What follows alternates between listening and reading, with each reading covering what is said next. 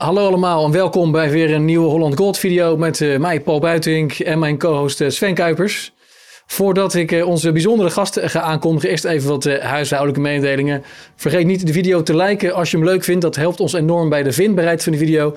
En abonneer je ook even op het kanaal en zet het belletje uiteraard aan. Dan blijf je op de hoogte van alle video's en er gaan hele leuke video's komen de komende tijd. Waaronder nog een paar video's van ons event van 20 januari. Dus uh, ga ze zeker bekijken. En als laatste nog eventjes. Um, op 24 februari zal ik spreken op een event samen met de collega Joris Beemsterboer van de organisatie uitjekritisch.nl met een Q. En er zijn nog kaarten voor beschikbaar. Kosten slechts 12,50. Dus uh, het lijkt me leuk om je daar te zien en een borrel te drinken op 24 februari in Wiegen in het oosten van het land. Dan uh, nu onze gast. Uh, we nemen dit op op Valentijnsdag. Dus ja, dan moet je maar één gast uh, hebben in Nederland. En dat is Robert Valentine. Yes. Welkom. Dankjewel. Ja, welkom Robert. Thanks voor de uitnodiging. Ja, jij noemt jezelf een architect van de vrije wereld. Je bent ook regelmatig te gast bij Blackbox. Je bent host van de, de raast populaire V voor Valentine show. Samen met Boris van der Ven. Ook een, een regelmatige gast hier. En je bent voorman, volgens mij nog steeds, van de Libertaire Partij. Klopt. Ja. Ben je nog steeds eh, betrokken bij de Libertaire Partij? Het is, het is iets op de achtergrond geraakt, maar ik heb uh, drie keer meegedaan als, uh, als uh, of twee keer als lijsttrekker van de landelijke verkiezingen en één keer als lijsttrekker van de gemeenteraadsverkiezingen in Amsterdam. En nog steeds wel betrokken, want ik draag het libertarisme een heel, heel warm hart toe. Ja, want de partij bestaat 30 jaar inmiddels en nog steeds is er nooit een zetel behaald. hoe verklaar je dat? Uh, dat verklaar ik omdat er heel veel uh, hele bevlogen, belezen mensen binnen de partij zitten die libertarisme echt, zeg maar. Uh, ik denk dat iedereen in zichzelf een economische lezing zou kunnen geven over wat het inhoudt en hoe onze wereld het beste zou werken. Maar om dat te vertalen naar, zeg maar, groot publiek, dat is nogal, nogal lastig gebleken. Ja, want eh, libertarisme, vertel, wat, eh, wat is dat precies? Uh, we gaan straks hebben over de scheiding van geld en staat. Wat een van de uh, ja, doelen is eigenlijk, denk ik, van, van een libertarische partij, van mm libertarisme. Maar kun jij onze kijker meenemen in, in de wereld van het libertarisme en, en wat dat precies betekent? Mm -hmm. Ja, het, het libertarisme is een politieke filosofie. Dat zegt eigenlijk dat het um, zich bezighoudt met hoe de overheid zich tot het individu moet verhouden. En libertariërs geloven eigenlijk dat de overheid zo klein mogelijk moet zijn, zodat, zodat je het individu zoveel mogelijk ruimte geeft. En uh, de, de, de welvaart en het welzijn in de maatschappij eigenlijk zo groot mogelijk wordt. Uh, dus we zijn heel erg voor uh, contractsvrijheid. Iedereen moet elke overeenkomst kunnen afsluiten die hij wil, zonder daar zeg maar, voorwaarden van de staat bij te krijgen. En um, het is eigenlijk een beetje, het is een beetje gestoeld op het idee van wisdom of the crowd. Zeg maar. We hebben nu een samenleving waarbij alles een beetje vanuit top-down wordt bepaald door de politiek. Ofwel in Den Haag of Brussel of in Washington, waar je dan ook zit. Waarbij een aantal mensen denken het beter te weten dan zeg maar, de grote groep mensen in de samenleving. En zij storten dan beleid, beleid over ons uit, waarbij ze zeggen: Nou, dit is volgens mij hoe het voor iedereen het beste werkt. En dat is wat libertariërs niet geloven. Iedereen is uniek, iedereen heeft zijn eigen wensen en voorkeuren. En iedereen moet vrij zijn om zijn eigen leven in te richten zoals hij denk dat het goed is. En ook de mogelijkheid hebben om, het, om fouten te maken. Want ik denk dat de samenleving zo gegroeid is en ontwikkeld is omdat we gewoon fouten konden maken. En omdat we eigen verantwoordelijkheid pakten voor onze leefomgeving en dat probeerden te verbeteren. Het ging niet altijd goed, maar als iedereen dat doet en iedereen dat nastreeft, dan gaan de beste ideeën overblijven. En, um, en die ideeën maken de wereld een beetje beter. En daarvoor heb je dus niet een top-down onderdrukkende beweging nodig, maar juist een bottom-up beweging, waarbij iedereen zeg maar gewoon zijn eigen creativiteit de vrije loop kan laten.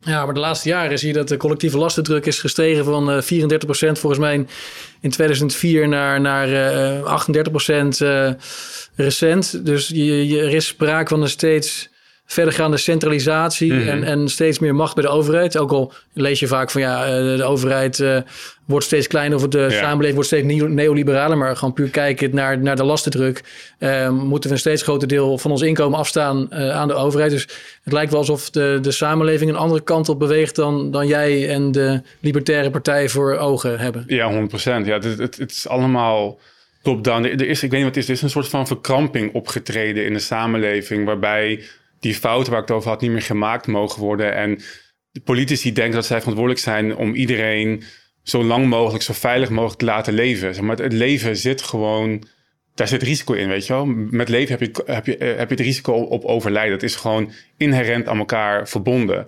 Maar de politiek lijkt zich verantwoordelijk te voelen voor uh, dat, dat niemand meer mag sterven, ziek mag worden, fouten mag maken. Je, ik heb, je hebt het denk ik heel erg gezien in de, in de coronatijd, waarbij er mega veel maatregelen van stal werden gehaald, zeg maar, om, zodat niemand meer besmet kan worden, niemand meer dood kon gaan, mocht gaan. En ja, het, het gaat zo'n doel gewoon ver voorbij. En ik denk dat we in een tijd leven dat mensen zelf ook heel angstig zijn geworden. En het soort van fijn vinden om die verantwoordelijkheid uit handen te geven. En bij een centralistische groep neer te leggen. In plaats van daar zelf naar te kijken. Wat toch wat moeilijker is. Waar je toch even wat meer moeite voor moet doen. Uh, maar ik denk ook uiteindelijk gewoon wel de mooiste dingen vandaan komen. Maar dat is niet, het is niet de trend in de samenleving. Het is echt inderdaad. Het is, gaat echt de andere kant op. En het wordt inderdaad heel vaak neoliberaal genoemd. Wat, ik, ik weet niet wat het woord betekent. Uh, um, uh, Martin van Hees van de, van de VU die heeft daar een boek over geschreven. Neoliberalisme, een politieke fictie. Zo van dat woord is gewoon puur en alleen bedacht door mensen van de andere kant van het politieke spectrum. Door, door socialisten die eigenlijk een scheldwoord nodig hadden voor alles wat zij slecht vonden. Maar om iets in een hoekje te kunnen drukken. Om iets in een hoekje te kunnen drukken. Want er is, geen, er is niemand die zichzelf neoliberaal noemt. Zeg maar. Je hebt liberalen, klassiek liberalen. Dat zijn heel veel denkers die, dat, die zich daar onderscharen. Ook daar boeken over schrijven en zichzelf dan zo noemen. Maar neoliberalen, niemand noemt zichzelf een neoliberaal, zeg maar. Dus dat is gewoon een scheldwoord. Um, en het is, het, is, het is misschien terecht, dat ik weet niet wat ze met, dat, met die term neoliberaal precies bedoelen. Ik heb het idee dat het vaak staat voor corporatisme. Dus een soort van vergroeiing van het bedrijfsleven met de staat, wat je niet heel erg ziet. Dus dat die belangen, die, die belangen van groot kapitaal eh, worden behartigd door de politiek. Dat kan ik me neoliberaal indenken. En dat is dus niet liberaal, want liberaal betekent dat de overheid zich er niet mee bemoeit. En ook niet lobbyt voor bepaalde grote bedrijven. Ja. Maar ik ben nog wel even benieuwd, want uh, kijk, je, je, bent voor eigenlijk minder regels, meer vrijheid. Alleen, kijk, historisch gezien in de mensen is het eigenlijk altijd zo, als de ene het niet voor het zeggen heeft, dan komt er altijd een ander die het voor het zeggen heeft. Uh, met het huidige systeem, ik ben zelf ook zeker geen voorstander van dat alles geregeld wordt, is het in ieder geval een systeem waarin we zelf een zekere mate van invloed hebben op de beslissingen die worden genomen. Zo? Stel, uh, nou, kijk, door te stemmen kan je in ieder geval een bepaalde politieke sturing geven. Ik zeg ook niet dat je zomaar uh, alles mag bepalen. Maar ik denk dat wij zeker wel gewoon nog zeker een werkende democratie hebben. Uh, stel dat je die, die, die, die, dat stemrecht wegneemt, hè, doordat je de overheid kleiner maakt. Je hebt minder invloed. En een andere groep heeft daardoor meer invloed, waar je misschien helemaal geen stemrecht op kan uitoefenen. Denk je dat dat dan niet slechter af is? Wacht even, je zegt, je zegt een aantal dingen. Eén, zeg maar, een, een kleinere overheid betekent niet per se dat je stopt met stemmen. Zeg maar, dat is... Nee, ik zeg niet dat je stopt met stemmen, maar een overheid gaat dan wel over minder facetten ja. van het leven. Mm -hmm. En als een overheid dat niet doet, dan gaat er altijd een andere groep zijn die dat dan gaat oppakken. Nou, dat ligt eraan waar je het, waar je het over hebt. Ik, ik denk trouwens, jij zegt van we hebben een goed werkende democratie. Dat betwijfel ik. Ik denk dat we helemaal geen goed werkende democratie hebben. In de zin van, ja, we gaan aan de stembus. We stemmen op partijen. En die partijen die, die komen aan de macht. Maar je ziet nu alweer, we zitten nu, wat is het? Volgens mij bijna een maand voor de provinciale statenverkiezingen. En ik zie de partijen gewoon weer draaien. Ik zie zeg maar de dingen die de, het publiek zeg maar graag hoort. Zie ik weer in de media komen. Ik zie eh, VVD dan weer een soort van kritisch standpunt innemen over, um, over immigratie. Uh, terwijl zij nou ja, afgelopen vier jaar er helemaal niet kritisch op zijn geweest. En los wat ik daarvan vind, ze, ze draaien. Zeg maar, en politici draaien continu. Dus en er is geen rekenschap, zeg maar. Ik ben... Oké, als je dan praat over democratie en je zou dan een, een goed werkende democratie willen instellen, dan zou ik eerder pleiten voor het, uh, het Familo D66 verhaal. Waarbij je bijvoorbeeld gaat kijken dat um, de Tweede Kamer niet meer het kabinet kiest. Want, nu, want de Tweede Kamer hoort het kabinet te controleren. Maar nu werkt het zo dat elke keer na de verkiezingen gaat er een meerderheidscoalitie aan de slag. Die meerderheidscoalitie die um, stemt altijd mee met het kabinet. Dus er is gewoon geen controlerende macht meer. Dat vind ik niet een werkende democratie. Nou ben ik inderdaad geen voorstander van heel veel zaken via die democratie... Um, um, hoe noem je dat? Uh, de samenleving inkrijgen. Omdat ik ik, ik vind dat bepaalde morele wetten boven de democratie staan. En het feit dat iets democratisch uh, besloten is, wil niet zeggen dat het goed is.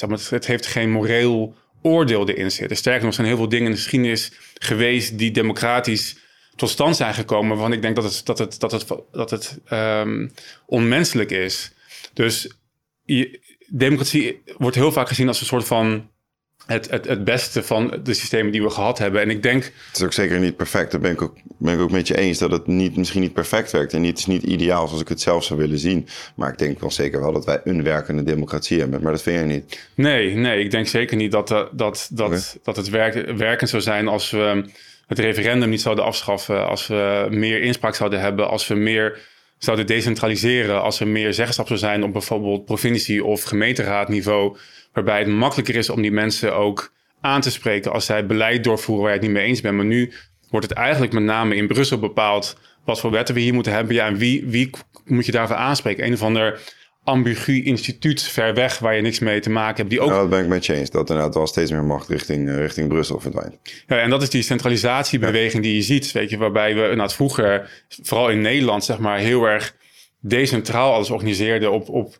provinciaal uh, en toen nog een republiek waren niveau, waarbij uh, alle wetten daar uh, um, zeg maar op lokaal niveau werden, werden besloten. Dus zoals je eigenlijk in Zwitserland ook nog een beetje hebben. Bij kantons hun eigen parlement hebben, ze hebben hun eigen belastingregels, ze hebben ook een, een eigen grondwet. En dat, dan kan je dus makkelijker stemmen met je voeten. Je kan makkelijk tegengewicht bieden tegen beleid waar je niet mee eens bent. Want dat is wel een beetje het probleem wat ik zie met democratie en overheidsinmenging. Uh, er, is, er, zijn, er is een slechte checks en balances. Je hebt zeg maar minder tegengewicht tegen een instituut dat toch wel blijft bestaan door belastinggeld. En, um, en ja, eigenlijk geen concurrentie kan ondervinden. En concurrentie is juist hetgene, die concurrentie van ideeën waar ik het in het begin over had. Dat is wat we nodig hebben om het beste idee boven te krijgen. Okay. Ja, en kijk, wat jij ook, denk ik, um, bij Libertarische Partij als grondbeginsel hebt, is dat subsidiariteitsprincipe. Ja. En dat zoveel mogelijk uh, op, op een zo uh, lokaal uh, mogelijke wijze beslissen. En dat is ook uiteindelijk in papier, of op papier in ieder geval, een uitgangspunt van de Europese Unie. Maar we hebben gezien dat ze bijna alles vinden dat ze op, op, op Brussel niveau moeten, moeten beslissen. Dus voor de Libertarische Partij of Libertaire Partij, en voor jou zou het dan een stap voorwaarts zijn als we inderdaad gewoon veel meer op, op lokaal niveau zouden beslissen. Ja. Ja, dus inderdaad, eh, ik denk eigenlijk uit, uit een EU, maar zelfs ook heel veel landelijke wetgeving die we nu kennen vanuit Den Haag, gewoon decentraliseren. Laat elke provincie nou zelf hun belastingregels bepalen voor bedrijven, voor, voor ondernemers of voor uh, individuen. En dan kan jij bepalen of je in Noord-Holland of Zuid-Holland of Groningen wil gaan wonen op basis van die regels. Op het moment dat het dus niet goed gaat en de staat voor de provincie gaat dan belastinggeld mislopen doordat er heel veel mensen vertrekken naar een andere plek. Dat zie je ook in Amerika heel erg. Dat heel veel mensen van Californië nu naar Texas verhuizen of naar Florida. Wat een veel vrijer klimaat he heeft dan, dan Californië. En dan kom je dus in geldproblemen en moet je iets gaan doen. Dan word je gedwongen om je beleid aan te passen. Ja, dat zou zeker echt een mega stap voorwaarts zijn. En een veel betere werkende democratie dan we nu kennen. Ja, dus um, zowel uh, meer lokaal beslissen als als ook uh, misschien vaker een beslismoment. Dus bijvoorbeeld een referendum is een manier om, om tussentijds uh, de koers bij te sturen. Dat zou ook een, een, voorstel van je zijn om dat in Nederland zo snel mogelijk weer in te voeren, het referendum. Ja, ik denk al, alles waarbij we zeg maar een beetje afgaan van die representatieve democratie. Waarbij een groep mensen die toch vaak, ja, uh, ik weet niet welke belangen daarachter zitten. Iemand, ik bedoel, elk mens heeft eigen belang. En dat is niet erg. Alleen dan moet je niet um, het voor het zeggen hebben over andermans belang. En dat is wel wat je met een democratie doet. Ik vind de, uh, vind de uitspraak altijd mooi. Dat weet je, dat democratie is. Um, dus het twee wolven en een schaap, twee wolven en een schaap die, die, die stemmen om wie, wat we gaan eten vanavond. Uh, en dat is, dat, is het, uh, dat is het wel. Dus als je dat als je die, die wolf kan elimineren en je kan de schapen gewoon rechtstreeks laten, laten, laten stemmen, ja, dan, dan weet je dat ze stemmen uit eigen belang. En dat, dat het beleid ook meer gestoeld is op hetgene wat, wat resoneert in de samenleving. Veel meer dan we het nu hebben. Alleen veel schapen stemmen natuurlijk op een wolf en schaapskleren. Ja. Uh, dat, dat, die dynamiek die blijf je toch houden, denk ik. En mensen worden natuurlijk vaak ook gewoon uh, gebrainwashed, of het nou door een, door een overheid is of door een corporate. Dus mensen zullen nog steeds ook in de toekomst in, in, in jouw samenleving waarschijnlijk eh, tegen hun eigen belang instemmen. Uh, maar wellicht uh, um, is dat dan maar zo en moeten ze leren leven met de consequenties. Ja, en dat is precies wat, wat libertarisme inhoudt. Zeg maar, jij hebt de verantwoordelijkheid over je eigen leven en jij hebt dus ook de vrijheid om fouten te maken. Maar als jij die fouten maakt, dan ben jij degene die daar de last van ondervindt en ook degene die ervan kan leren. Als een politicus een fout ma maakt, dan zijn we allemaal de lul daardoor. En dat, dat moet eruit, zeg maar. Dus als wij gewoon zelf fouten mogen maken, dan, dan, dan ga je ook beter nadenken over de dingen die je doet. En voor politie maakt het vaak toch niet uit wat ze, welke fouten ze maken. Want ze blijven zitten, ze worden herkozen. En het belastinggeld blijft toch wel binnenrollen uh, in de staatskas. En als het dan heel concreet gaan maken, want uh, je, je kunt over dit soort onderwerpen en natuurlijk urenlang uh, lullen en allerlei theoretische vergezichten neerzetten. Wij hebben bij Viva Valentine natuurlijk, toen ik bij jullie te gast was, zijn we behoorlijk diep gegaan op allerlei mm. verschillende aspecten. Ik denk voor, voor de kijker interessant als je het gaat hebben over hoe definieer je een overheid en, en de VVE en, en allemaal lokale samenwerkingsvormen. Uh, hoe, hoe, dat in de praktijk werkt, daar gingen we uitgebreid op in. Dus dat hoeven we niet, uh, denk ik, nog een keer te doen. Maar vandaag is het uh, heel interessant om wat dieper in te gaan op hoe je dan het financiële systeem um, kunt, kunt, vrij kunt maken eigenlijk. Hmm. Um, en en daar, daar willen we graag van jou horen van hoe, hoe zie je dat voor je? Dus allereerst, wat, wat is het ideale financiële systeem in, in jouw beeldvorming? Ja, misschien even, twee, even twee, um, twee aspecten. Het eerste, zeg maar, ik noem mezelf altijd een, vrij, een vrijmunter. Ja. In de zin van, ik wil niet voorschrijven wat andere mensen voor geld moeten gebruiken. Waarom? Omdat ik dan hetzelfde doe als wat een overheid doet. En dat is namelijk één oplossing forceren op de rest van de samenleving. Waardoor je de concurrentie, zeg maar, um, uh, dooddrukt. Maar er moet juist een concurrentie plaatsvinden van verschillende uh, um, um, middelen die geld zouden kunnen zijn. En dan moet het publiek gewoon maar kiezen wat zij het beste vinden als geld. Um, dat gezegd hebben, denk ik dat zeg maar een, een goede geldstandaard is een harde geldstandaard. Weet je, iets wat niet te verwateren is, iets wat niet zijn geld verliest. Ik bedoel dat het hele, een van de grootste problemen, denk ik, als je kijkt nu naar de samenleving, is dat de overheid zoveel geld kan bijdrukken. En vervolgens daarmee allemaal beleid kan doordrukken, omdat ze toch gratis geld hebben. En ons allemaal verarmen. Want elke keer dat ze geld bijdrukken, wordt die euro of die dollar wordt gewoon minder waard. Ja, en dat is. Het is, het is zo finest op zoveel niveaus dat je ten eerste niet meer kan sparen. Waarschijnlijk ook niet meer wil sparen. Want je weet dat je, of je, je gaat op een gegeven moment ook aanvoelen, ook al ben je niet heel erg mee bezig, dat je geld steeds minder waard wordt. Dus je wilt steeds meer gaan uitgeven. Iets wat ook trouwens heel erg hoort bij de, bij de, bij de uh, economische opvatting van veel um, politici. Weet je, er moet worden uitgegeven, anders, uh, anders gaat het fout. Ja, of je gaat sparen. economie aan te jagen, inderdaad. Ja, ja of je gaat, bedoel, ik denk dat er nog steeds mensen ook bij een inflaterende munt de behoefte hebben om te sparen. Maar ze kiezen dan voor andere assets om in te sparen. Maar als je net, uh, met mensen praat in, uh, in Libanon bijvoorbeeld of zo, nou, dan, dan sparen ze gewoon in dollars. Of, of ze stoppen in vastgoed of goud of whatever. Maar de, de natuurlijke neiging om om, om een voorraadje aan te leggen, blijft bestaan. Dat, mhm. dat zal een overheid niet weghalen. Dus ik ben wel geneigd om dat fiat geld misschien e-, eerder uit te geven. Maar dat kan ook dat je het omwisselt in iets wat wel zijn waarde houdt bijvoorbeeld. Ja, dat, dat lijkt me heel verstandig gezien de officiële inflatiecijfers al. En ik heb geen idee hoe de daadwerkelijke inflatiecijfers uh, eruit zien... als ze niet elke keer die meetmethode aan zouden, zouden passen. Maar de...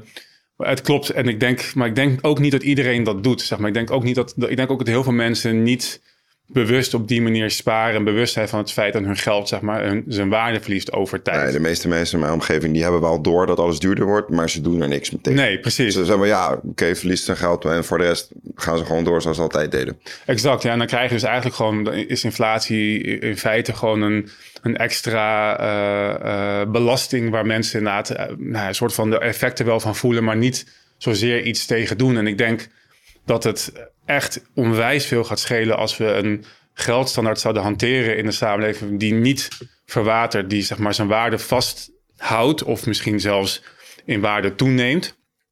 Um, waar je dus zeg maar, uh, uh, waar je vandaag uh, net zoveel mee kan kopen als, als, als over, over 20 jaar. Um, maar dat zorgt namelijk denk ik ook voor een andere mindset en cultuur in de samenleving, waarbij mensen toch, toch eerder geneigd zijn om te gaan sparen. Mensen doen het nu wel, mensen die slim zijn doen het al, maar ik denk niet iedereen. Ik denk als je dat verandert, dan zijn mensen zoveel meer geneigd om uh, ja, op lange termijn te gaan denken. En ik denk dat dat, uh, dat, dat, een, nou, dat dat iets is wat we ook gewoon meer kunnen gebruiken in de, in de hedendaagse samenleving.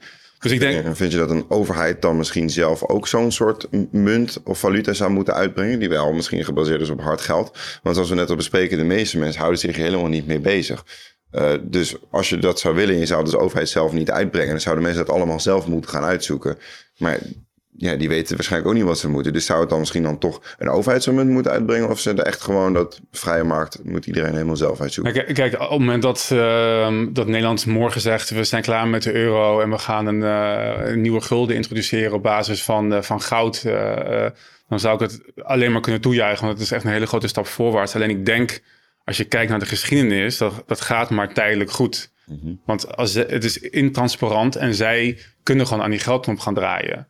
En dat is, dat is ook hoe überhaupt fiat geld en het hele um, systeem uiteindelijk ook begonnen is. Ik bedoel, we hadden mensen handelden eerst alleen met goud, maar er is toen een, een fiat laag bovenop gekomen omdat, omdat het makkelijker was. En uiteindelijk is die fiat laag misbruikt door de instanties die die fiat laag uitgeven. Dus ja, ik zou die toejuichen als een overheid het morgen zou willen, willen introduceren. Maar ik denk dat het tegen hun eigen belang is om dat te doen. Dus ik zie het niet gebeuren. Um, als het wel gebeurt, denk ik dat het niet van lange duur is, want dat is, heeft, is nooit van lange duur geweest. Dus ik hoop dat er inderdaad vanuit dat we, de, dat we vanuit de samenleving een alternatief kunnen gaan introduceren, wat wel stand houdt. Vanuit de samenleving zijn natuurlijk ook wel schuld geldsystemen ontstaan. Als je kent het boek David uh, Graeber's uh, Money, The Debt the First 5000 Years. Nee. Dan, dan gaat David Graeber, die is inmiddels overleden, maar gaat in op allerlei geldsystemen. Ook bijvoorbeeld in Mesopotamië of um, um, ook in Engeland en andere delen. En je ziet dat er allerlei verschillende geldsystemen ontstaan. Sommige op basis van hard geld, sommige op basis van een gemeenschap waar, waar men elkaar kent en ze met, met schuld betalen. Doordat ze gewoon bijvoorbeeld uh, de visser die, um, die vangt allemaal vis en die, die geeft dan het vis aan zijn dorpsgenoten en, en bouwt dan een, een, vordering op op de rest. En de rest geeft hem dan later bijvoorbeeld over een, over een paar maanden graan terug. En, en dat soort systemen ontstonden ook, maar dat was meestal als men elkaar kende. Maar dat je dan stammen hebt die elkaar niet kennen en dan met elkaar willen ruilen, dan heb je niet dat vertrouwen. En dan moet je inderdaad iets anders gaan gebruiken. Een token, zoals bijvoorbeeld een schelp of een, of een gouden munt. Dus zo ontstonden inderdaad verschillende systemen. En uiteindelijk heeft de overheid dat systeem eigenlijk overgenomen. Mm -hmm. en, en, het, en het gefiateerd. En, en, en daar maken we nu gebruik van. En natuurlijk in samenwerking met de banken die er als laag ook uh, tussen zijn mm -hmm. gestopt. Uh, maar um, als je dat helemaal vrij laat inderdaad. Hè, um, schets dan is een soort van transitiefase. We zitten nu in een zwaar gereguleerd systeem. We, we kunnen als we uit de euro willen stappen dan... Dan moeten we ook uit de Europese Unie stappen. Dat is nu eenmaal hoe het nu geregeld is. Mm -hmm. Zou het dan ook jouw idee zijn om, om, om je hard te maken voor een, voor een exit en daar de komende maanden dat we daar als land aan gaan werken? Of? Ja, het is, het is heel dubbel, want het liefst zou ik hebben dat de Europese Unie zich houdt aan zijn grondbeginselen. En vrij verkeer van goederen, vrij verkeer van kapitaal, uh, weet je, vrij, heel veel vrij handel en vrij bewegen. Zeg maar die vrijheden, dat is waar ik in geloof. Alleen dat is niet meer waar ze voor staan. Dus ik, ik zou het liefst willen dat de Europese Unie een soort van wordt omgevormd of samengaat met de uh, Europese Vrijhandelsassociatie, waarbij het alleen maar gaat om vrijhandel en je dus zelf weer gaat over de wetten die in jouw eigen land uh, gelden. Maar ik zie het niet gebeuren, dus dan zou je inderdaad moeten gaan, gaan moet, denk ik, moeten gaan voor een exit, waarbij je en de zeggenschap over je eigen wetten weer terugkrijgt en inderdaad uh, zeggenschap over je eigen geld weer terugkrijgt. en dan, en dan um, ja, en dan kijken of, uh, ofwel uh, de overheid ofwel um, um, de ondernemers, uh, particuliere mensen in de samenleving een, een nieuwe geldstandaard willen introduceren. En het is natuurlijk al een klein beetje gebeurd. Als je kijkt naar, naar, naar, naar Bitcoin, is het, is het eigenlijk zo'n initiatief wat bedacht is door zeg maar de grassroots. De grassroots inderdaad. En heel langzaamaan steeds meer tractie aan het krijgen. Steeds meer wordt geïntegreerd, steeds meer mogelijkheden zijn om daarmee te betalen. Steeds meer mensen accepteren dat. Uh, zelfs landen die dat nu zeg maar accepteren. En, en die beweging gaat denk ik nog wel een tijdje door. Dus je ziet al dat er alternatieven vanuit de samenleving ontstaan. Maar die worden in eerste instantie tegengewerkt door uh, overheden. Maar jij bent ook een bitcoin, toch? Ja, zeker. Toch merk ik bij jou een behoorlijk wat liefde ook uh, voor de staat soms. Uh, ja, nou, doorcijpelen. Hoe zie je dat dan? Die, die... Kan dat? Ja, nou, niet per se heel veel liefde voor de staat. Maar wat ik, wat ik me wel afvraag is... Uh, kijk, stel we gaan uit, uit de Europese Unie en we zijn de euro kwijt. stel ik ben gewoon de lokale bakker of ik heb een ander bedrijf. Dan kan je natuurlijk niet vanaf het ene moment hebben dat de euro er niet meer is. En dat je dan niks hebt. En dat wij als, als je als klein, kleine overheid dan zegt... zoek het zelf maar uit. Je kan een bitcoin gebruiken of je kan een dollar gebruiken. Het lijkt me dat je iets moet bieden als alternatief. Uh, en dan misschien wel Bitcoin daarnaast heel erg uh, vrij laten. Dus je zegt, nou, als je wil, kan je dit ook gebruiken. En is het ook een, een officieel betaalmiddel, om maar wat te noemen. Maar je kan natuurlijk niet van het ene moment zeggen, ja, zoek het nu maar zelf. Het lijkt dat er wel iets van een overgangsfase moet komen. En dat de overheid in ieder geval voor de mensen die zich niet bezighouden met wat wij doen, met goud, met bitcoin, met hard geld. Uh, je, moet, moet iets voor ze bieden, lijkt me. Of zeggen van nee, dat moeten mensen dan echt helemaal zelf uitzoeken. Want dan lijkt me dat een hele grote economische ramp. In ieder geval de eerste uh, jaren of maanden dat, dat bedrijven het zelf moeten uitzoeken. Nou ja, ik, ik, ik weet het niet. Ik denk dat uh, op het moment dat je de ruimte laat voor een andere munt of andere munt of andere, ander soorten geld, wil niet zeggen dat je het ene meteen uit de deur uit moet doen. Er zijn genoeg landen die zeg maar uh, de dollar hebben aangenomen als munt, als hun munt. Terwijl dat niet, zij hebben daar geen zeggenschap over. Maar ze hebben wel gezegd, nou weet je wat, wij gaan met z'n allen de dollar gebruiken. Dus je kan als overheid, als je wil dat de overheid iets doet, een soort van bewustzijnscampagne maken van jongens, we gaan uit de EU. Uh, dat doen we omdat we ook zeg maar uh, zeggenschap over ons eigen geld willen hebben. Uh, dat betekent dat, dat we gaan zoeken naar alternatieven voor de euro. Of jullie laten zoeken naar alternatieven voor de euro. Maar je kan de euro nog steeds gebruiken. Ik bedoel, dat is gewoon. We zitten, in die Europe we zitten om die Europese Unie heen. Dus je zou dat gewoon uh, een tijd kunnen blijven gebruiken, ook een stapje uit de Europese Unie. Het is een beetje als El Salvador, waar natuurlijk uh, A, hadden ze al niet hun eigen munt en nee, gebruikten de dollar. En nu ja. is daarnaast nog eens ja. bitcoin gezet. Dat, volgens mij is het niet per se een groot succes nog of zo, maar ze hebben het wel gewoon gedaan. En, en je kunt dus inderdaad mensen op zijn minst tijdelijk uh, laten proeven wat het is om, om, om verschillende munten te hebben. Ja. Um, maar de vraag is wel eventjes of de Europese Unie dat goed zou vinden. Want je, je ziet hoe, uh, hoe Engeland wordt, of Groot-Brittannië wordt gefrustreerd door, door Brussel. Om, ze moeten leiden uh, omdat ze de EU verlaten hebben. Precies. Ook om, om, een, om, een, om een precedentwerking te voorkomen. En om signaal af te geven naar andere lidstaten. Jongens, uh, weggaan. Dat gaat je heel veel pijn doen. En als je ook nog eens de euro verlaat. zeker als, als een van de grondleggers van, Europa, van, van, van Europa. We waren natuurlijk betrokken bij, al bij de Europese gemeenschap van kolen en staal en daarna het verdrag van Rome, noem maar op. Als wij als, als founding father weggaan, dan zal de wrath, de pijn die wij gaan voelen, nog is vele malen groter zijn. En ik denk dat ze niet eens toestaan dat je die euro kan gebruiken. Ja, cash kunnen ze natuurlijk niet verbieden, verbieden maar om, om jouw bankensysteem te linken uh, aan de euro. Ik denk dat ze daar gewoon uh, dat ze ervoor gaan liggen. Dus je hebt dan, denk ik, ik denk dat je ook misschien zelfs uh, Swift wordt, wordt uitgegooid. wellicht moet je zelfs bedelen bij de BRIC straks om nog een, een muntje te kunnen gebruiken. Dus ja. zie je dat risico ook? Ja, 100%. Dit is, en dat is precies wat je zegt, is wat er gebeurt. Want het is natuurlijk, het is, als Nederland de EU zou verlaten, is dat denk ik een soort van domino-effect gaat dat zijn voor de rest van de Europese Unie.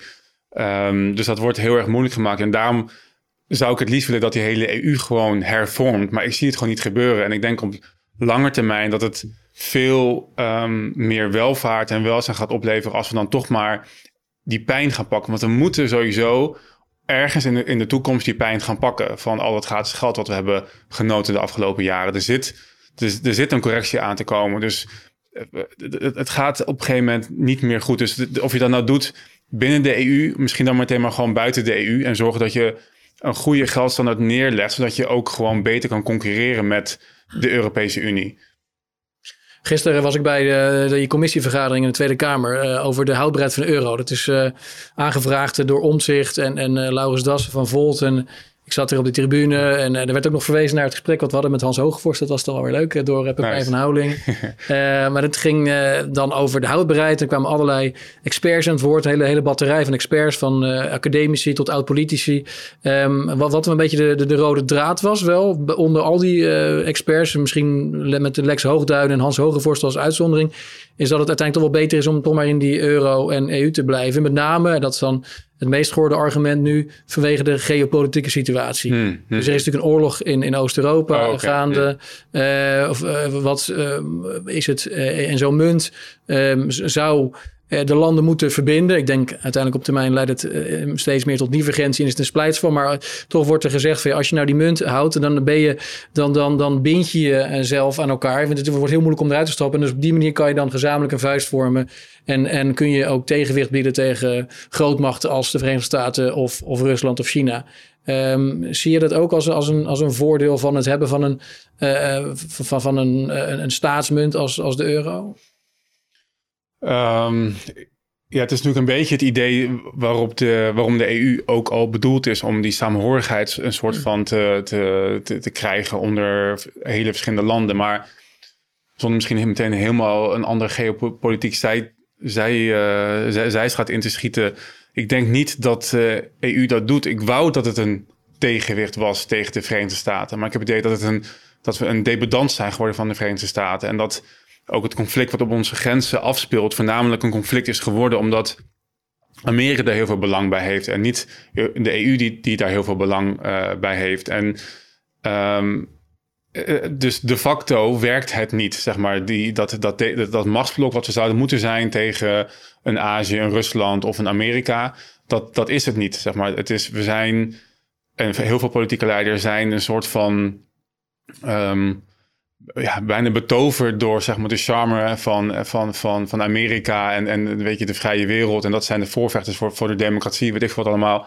En daarom um, uh, luisteren we voornamelijk met, met, met uh, met buitenlandbeleid wat zij willen. Weet je, ik, hoorde, ik, hoor, ik heb Trump en volgens mij uh, Obama ook horen zeggen over... moet Duitsland wel zo afhankelijk willen zijn van Rusland? Ze waren, zijn al heel lang bezig om die afhankelijkheid van Rusland, zeg maar te minimaliseren, omdat zij daar heel veel voordeel bij hebben. Ze blazen daarvoor Nord Stream op, uh, waar ja. verdomde weinig aandacht voor is uh, in de media. Ja, ja, inderdaad. Zien dat is, niet, het is natuurlijk helemaal laat ik wel gewoon uh, journalistiek correct blijven, maar die, dat, dat stuk van Seymour Hirsch, dat, dat had gewoon natuurlijk uitgebreid moeten worden besproken, direct in, iedere, in ieder parlement in Europa, want het, het legt gewoon letterlijk en figuurlijk een bom onder de, onder de NAVO. Ja, überhaupt verbaas ik me daarover. We hebben zo'n grote energiecrisis en eigenlijk geen enkele nou, mainstream media is er een keer echt heel diep ingedoken om eens een keer uit te zoeken uh, hoe dat gebeurd kan zijn, wie dat heeft opgeblazen en wie de schuldig is. Eigenlijk is het gewoon ja, een beetje als een mysterie afgedaan en, ja, en dus, toen we het laten liggen.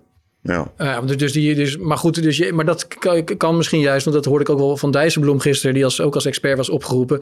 Misschien juist omdat je de Verenigde Staten eigenlijk helemaal niet meer kunt vertrouwen nu ook. En, en, natuurlijk Poetin sowieso ook uh, een, een, man is waar je niet uh, direct op kunt vertrouwen. Uh, en China, hetzelfde verhaal. Um, zou je dan, uh, speel ik misschien een beetje advocaat van de duivel, maar ik wil gewoon graag horen dat je het mm. goed weerlegt. Moet je misschien juist nu meer dan ooit uh, die verbinding zoeken met uh, andere Europese landen? Mm. en, en daar zou een munt dan in theorie bij kunnen helpen. Ik, ik zeg het ja. een beetje omvloed, maar...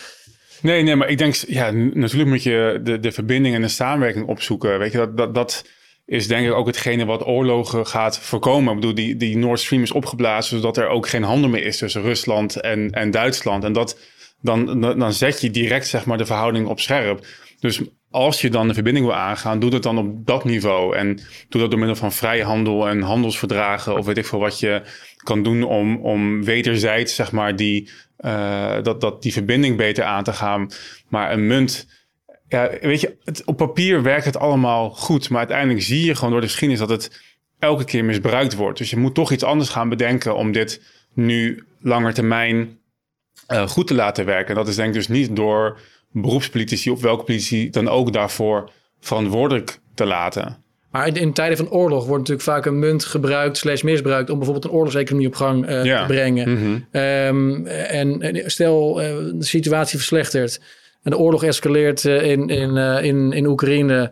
Uh, we verliezen het vertrouwen in Amerikanen vanwege... als inderdaad blijkt dat ze Nord Stream hebben opgeblazen. Ja, hoe, hoe kan je dat dan nog als alliantie zien? En stel, er komt een, toch echt wel een noodzaak om om, om die oorlogseconomie in Europa, of laten we zeggen Nederland, op gang te helpen. Stel dat we Nederland dan nemen. Nederland stapt uit de Europese Unie. Um, uiteindelijk, uh, Robert is aan de macht en geeft iedereen uh, de ruimte om met zijn eigen munt te betalen en, en een vrije munt te zijn. Kun je in zo'n situatie um, makkelijk genoeg een oorlogseconomie op gang helpen. Als je niet als overheid in staat bent om je eigen munt te drukken, omdat je iedereen vrij laat, kun je voldoende financiering krijgen. Dat is vaak een argument tegen, tegen ja. vrije munt. Is dat je in zo'n situatie dat, dat middel on, uh, niet hebt als, als overheid. Dat klopt. Ja, en dat, dat kan niet. En dat is juist volgens mij een reden om, het, om voor zo'n eigen munt te zijn waarbij je niet een oorlogseconomie kan financieren. Maar hoe ga je zelf verdedigen dan? Nou, ik denk niet dat je. Ik denk, ik zou willen dat, dat elk land stopt met fiat geld en dat, en dat er niet maar die zoveel. Deze we niet. We leven nu in die wereld. Nee, oké. Okay. fiat en jij hebt geen fiat. En de rest nee. heeft met fiat een oorlogseconomie en jij hebt als,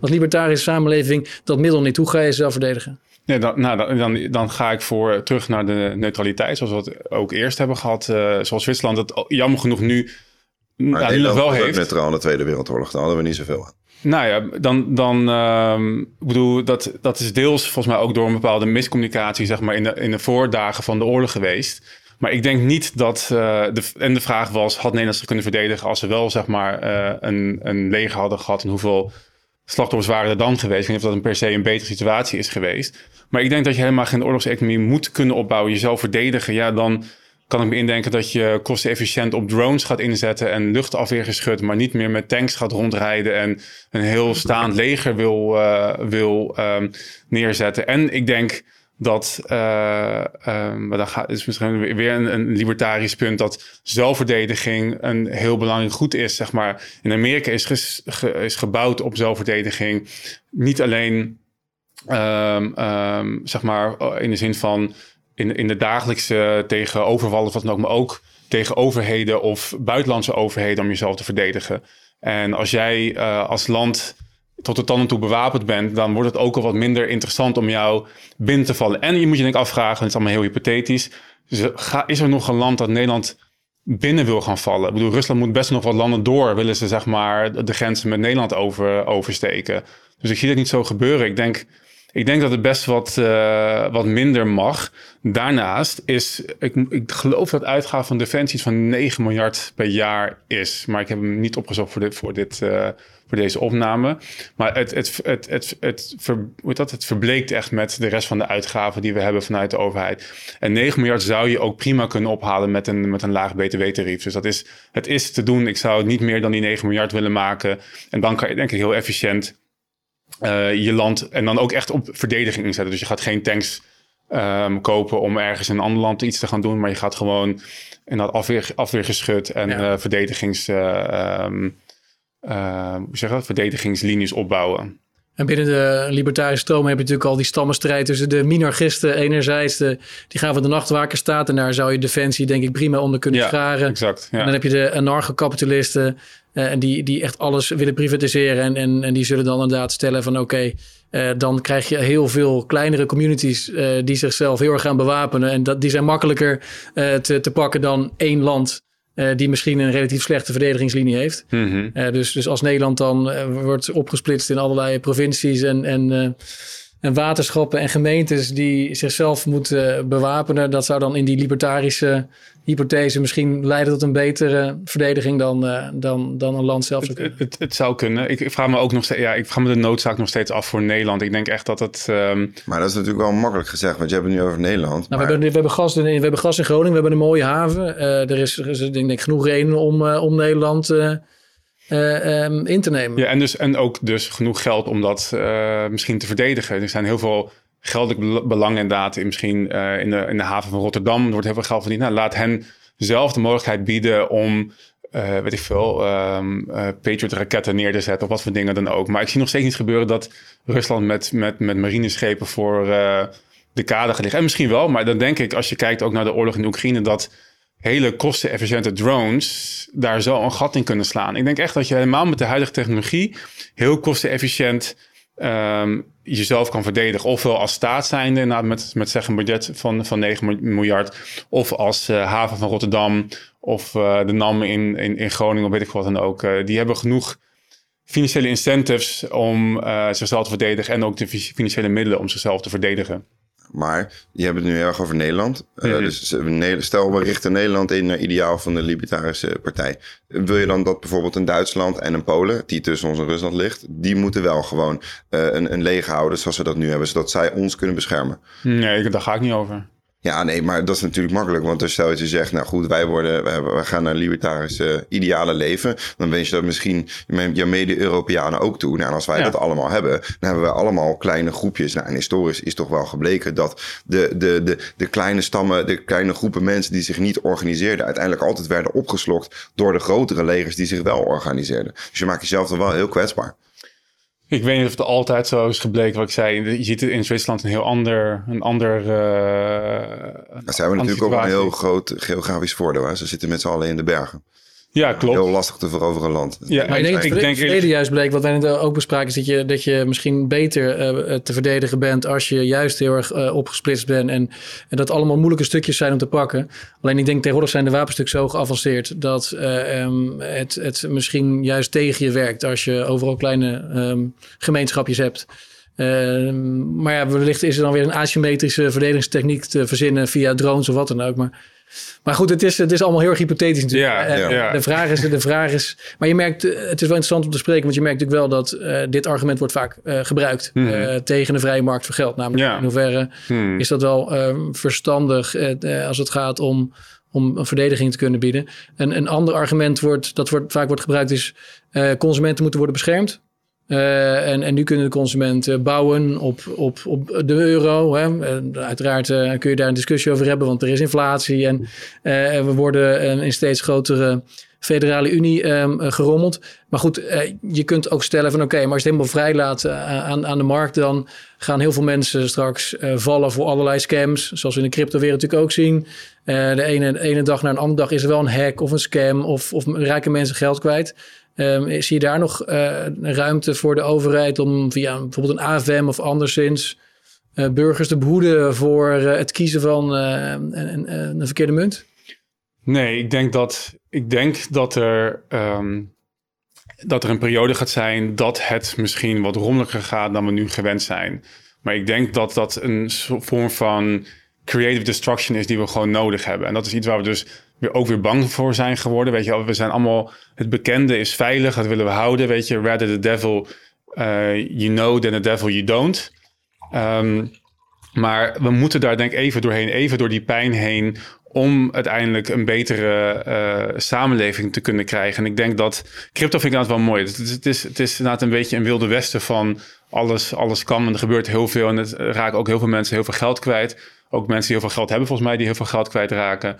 En je kan dan pleiten voor regulering om dan mensen te behoeden voor die fouten maken. Maar ik denk ook dat ehm, het uiteindelijk zichzelf zou wijzen. Zeg, op- uiteindelijk gaan mensen vaak genoeg, zeg maar, ehm, eh, op, op hun bek om daarvan te leren, om het niet meer zo te doen. En we moeten weer even leren zelf die verantwoordelijkheid te pakken. Dat moeten, we, dat moeten wij leren, moeten wij onze kinderen leren, onze kleinkinderen leren. Want alleen als we die cultuur op die manier veranderen, dan ga je een betere wereld krijgen. Maar we zitten inderdaad... Ik, ik erken dat, zeg maar, de, de ideaalbeeld wat ik voor ogen heb... dat, het, dat daar nog een weg naartoe te gaan is... en hoe, het- hoe die eruit gaat zien... eh, die gaat sowieso niet eh, zonder, eh, gaan niet zonder kleurscheren uitkomen. Want dat, we zitten gewoon in een situatie waarbij we eigenlijk in een hoek gedreven zijn. Dus alleen, het, het, is, het is belangrijk dat we niet weer de overheid aan het roer gaan zetten. Want die zijn verantwoordelijk voor die fouten. Dus we moeten naar alternatieven gaan kijken. En dan maar eventjes door die, door die, door die pijn heen. Die pijn die zij voor een groot deel ook gewoon veroorzaakt hebben. En ik denk niet dat je het probleem moet oplossen met de, met de mensen die het ook veroorzaakt hebben. Maar denk je dat er misschien ook een oplossing is om naar dat ideaal te komen zonder die pijn te pakken? Want dat is natuurlijk een politiek heel impopulaire beslissing. Ik denk het niet. Nee, ik kan me dat niet. Ik kan me dat weinig indenken. Er zijn mensen die. Er moet een afwaardering plaats gaan vinden. Dingen zijn overgewaardeerd. En ik denk dat dat het beste. Ik wil het niet laten bepalen door de overheid, maar door de vrije, vrije markt. En dat is. Ja, het, is denk on, onoverkombaar, denk ik. Eh, ik zou het heel graag. Ik ben benieuwd of je, of je daar eh, visies op hebt dat het anders kan. eh. Ja, dat is, dat is hetgene wat, wat mijn inziens misschien ook wel de Libertaire Partij heel lastig maakt. Om, om in zetels, omdat ze heel veel voorstellen die ze doen, mensen eerst zelf de pijn moeten pakken. Ja. Dat is iets wat ze niet willen. Dus Klopt. gaan ze stemmen op een partij die ze iets, iets anders, iets moois Dat voorhoudt. is het helemaal. Dat is, Ja. dat is dat, die meme waarbij je twee stands ziet met zeg maar met een, een, een- wat is het nou? Een, een, een fijne leugen of een oncomfortabele waarheid. Ja. Wij hebben alleen maar die oncomfortabele waarheden die we verkopen. En dat verkoopt dus niet. En dan krijg je dus geen stemmen. Maar ik weiger om dingen te zeggen die wel lekker klinken. En dan stemmen krijgen waar je dus uiteindelijk niks meer opschiet. Want daar heb je al 80 partijen voor die, zo, die dat zo doen. Maar ja, als je, Ja, nee, als je, als je, wil, als je wil pleiten van ja, Robert, pas even de, de strategie aan om, om meer stemmen te krijgen. Als ik dat zou doen, dan zou dat inderdaad eh, veel beter gaan. Maar ja, ik eh, blijf toch bij mijn idealen zitten. Maar de- uiteindelijk is het ook niet zo zwart-wit, toch? Ik, bedoel, dat is, eh, ik heb zelf ook best een libertarische achtergrond, zoals je weet. Maar uiteindelijk door schade en schande. En ook eh, doordat je wil kijken van... oké, waar, eh, waar, waar- hoe kun je rationeel en realistisch zien... zo'n samenleving inrichten? Mhm. Laten we het voorbeeld nemen van consumentenbescherming. Je nam het ook het voorbeeld van, van hoe je eh, kinderen fouten moet laten maken om ervan te leren. Nou, ik heb zelf een zoontje. En in mijn opvoeding ben ik iedere keer voor mezelf het afwegen. Oké, moet ik hem hier nu op zijn bek laten gaan? Waarschijnlijk is dat goed, want heeft hij een klein beetje pijn. Ehm, en dan leert hij van. Maar als ik zie dat het te gevaarlijk wordt, dan help ik hem. Want dan wil ik niet dat hij valt. Want dan, heeft, dan is de pijn groter dan wat hij, er, wat hij ervan leert. Worden. En, mm. en zo werkt het in een gezin. Uh, en zo werkt het ook in een vriendengroep. Maar zo werkt het ook bijvoorbeeld in die... Heb je weer de vereniging van eigenaren bijvoorbeeld. je, uh, je probeert elkaar ook wel te helpen. Je hebt bepaalde regels die je afspreekt met elkaar. bijvoorbeeld je, je laat geen, geen vuilnis voor de deur staan. Want dan kunnen misschien ratten komen. Dus je hebt regels met elkaar. Je beschermt elkaar ook in de libertarische samenleving ga je dat krijgen. En ook in een private city. Want waarschijnlijk heb je straks een libertarische wereld met allemaal Singapore-achtige steden of allemaal kantons zoals Zwitserland. En Freddy Heineken had ooit een, een ideaalbeeld van de Europese Unie, wat, uh, zou worden opgesplitst in 2000 regio's, hmm. uh, die dan cultureel uh, verbonden waren. maar ook in zo'n klein kanton, in een kleine, kleine gemeenschap, ga je op een gegeven moment bescherming krijgen van burgers. Um, zeker als bijvoorbeeld een bekende scammer rondloopt, dan gaan mensen worden gewaarschuwd van jongens, pas op voor die scammer. Dus eh, fouten maken is goed, mhm. maar eh, ga, drijf je daar niet in, in door? Is er niet altijd een behoefte ook aan, aan, aan een partij die mensen eh, helpt? En uiteraard moet die partij worden ingericht en moet, moet er juiste uh, zeggenschap zijn en, de, en, en, en de, de, wijste, de juiste wijze van het verkiezen van mensen. Die moeten ook worden uh, afgerekend op hun fouten. Maar is er niet altijd een inherente behoefte bij mensen om iemand of een groep aan te wijzen die de rest um, in zekere zin beschermt? Ontkom je daar niet aan? Ik, ik denk, nee, daar ontkom je niet aan. En ik, ik denk dat libertarisme ook niet pleit tegen dat soort constructies en instanties en samenwerkingsverbanden. Alleen, en dan gaan we toch een beetje de, misschien de discussie van uh, Viva Valentine nog een beetje overdoen. Maar de, de, het probleem zit hem in die, die dwang die de overheid um, toepast. Zeg maar, de overheid heeft een geweldsmonopolie en past dwang toe en zegt: Ik ga je gewoon helpen, of je het wil of niet. En um, dat is niet hoe het zeg maar in vriendengroepen of VVE's werkt. Daar, daar, um, daar sluit je een overeenkomst. Uh, dan wel echt op papier in de VVE. Dat je zegt van nou, ik, ik commit mij aan deze regels die we hebben afgesproken. En ik ga, me dan houden uh, op, op, lasten van weet ik veel boetes of andere zaken. Ik vind kinderen trouwens wel anders. Want ik vind kinderen en volwassenen die dat, dat, dat, daar zit een ander proces. Het wordt heel vaak gebruikt, die vergelijking. Um, en ik vind hem ook aan de ene kant ook wel mooi, maar het is toch net even iets anders dan bij volwassenen die zeg maar al volgroeid zijn en een bepaald leerproces hebben doorlopen en voor zichzelf verantwoordelijk zijn. Zeg maar. dan, dan ga je een andere, een andere fase in. Maar die mensen gaan zeer zeker ook mensen aanwijzen om uh, op bepaalde vlakken um, keuzes voor hen te maken. Die ga je inhuren. Je gaat bepaalde expertises in, inhuren. Je wil inderdaad op de hoogte gehouden worden van, van um, van, van scammers of misdadigers. En je kan daar bepaalde, ehm, nou, misschien een mooi voorbeeld, um, het thuiswinkelwaarborg. Zeg maar het is geen wettelijke instantie, het is geen wettelijke regel. Niemand hoeft een thuiswinkelwaarborg op zijn website te hebben. Alleen, er wordt wel gezien door consumenten als zijnde een waarborg van vertrouwen. Dus dan kan ik... Zoals BOVAG of zo bij garage. Ja, bij een, ja, een BOVAG garage. Dat, dat soort keurmerken worden nu vaak door de overheid gerund. Maar zou je ook gewoon particulier kunnen runnen. En als jij doe een thuiswinkel Waarborg, daar zitten geen regels aan vanuit de overheid. Ze hebben zelf bedacht, dit is gewoon goede, zeg je, code of conduct, zeg maar goede, wat is Nederlands woord ervoor? Goede gedragsregels. gedragsregels. Uh, die gaan we hanteren. En al onze leden gaan het ook hanteren. En die moeten daar geld voor betalen. En die worden dan gekeurd. En die, en die mogen dan het waarborg dragen. Dat kan je op heel veel vlakken kan je dat doen. Ik vind bijvoorbeeld ook bij... Um, ik vind het jammer dat Uber zo wordt tegengewerkt aan de ene kant. Omdat zij... Um, dat review systeem werkt heel goed. Dat is wat, wat ook heel modern is. Dus dat mensen gewoon particulieren aangeven wat ze van een bepaalde dienst of um, uh, uh, leverancier vinden. Op die manier kan je um, heel goed bepalen door een soort van wisdom of the crowd van wat vertrouw ik en wat vertrouw ik niet. En dat is ook hoe mensen werken. Dus dat soort systemen gaan denk ik meer de overhand krijgen op het moment dat je zegt dat de overheid dat niet meer doet. Dat de overheid niet die keurmerken via wetgeving zeg maar, gaat, uh, gaat instellen.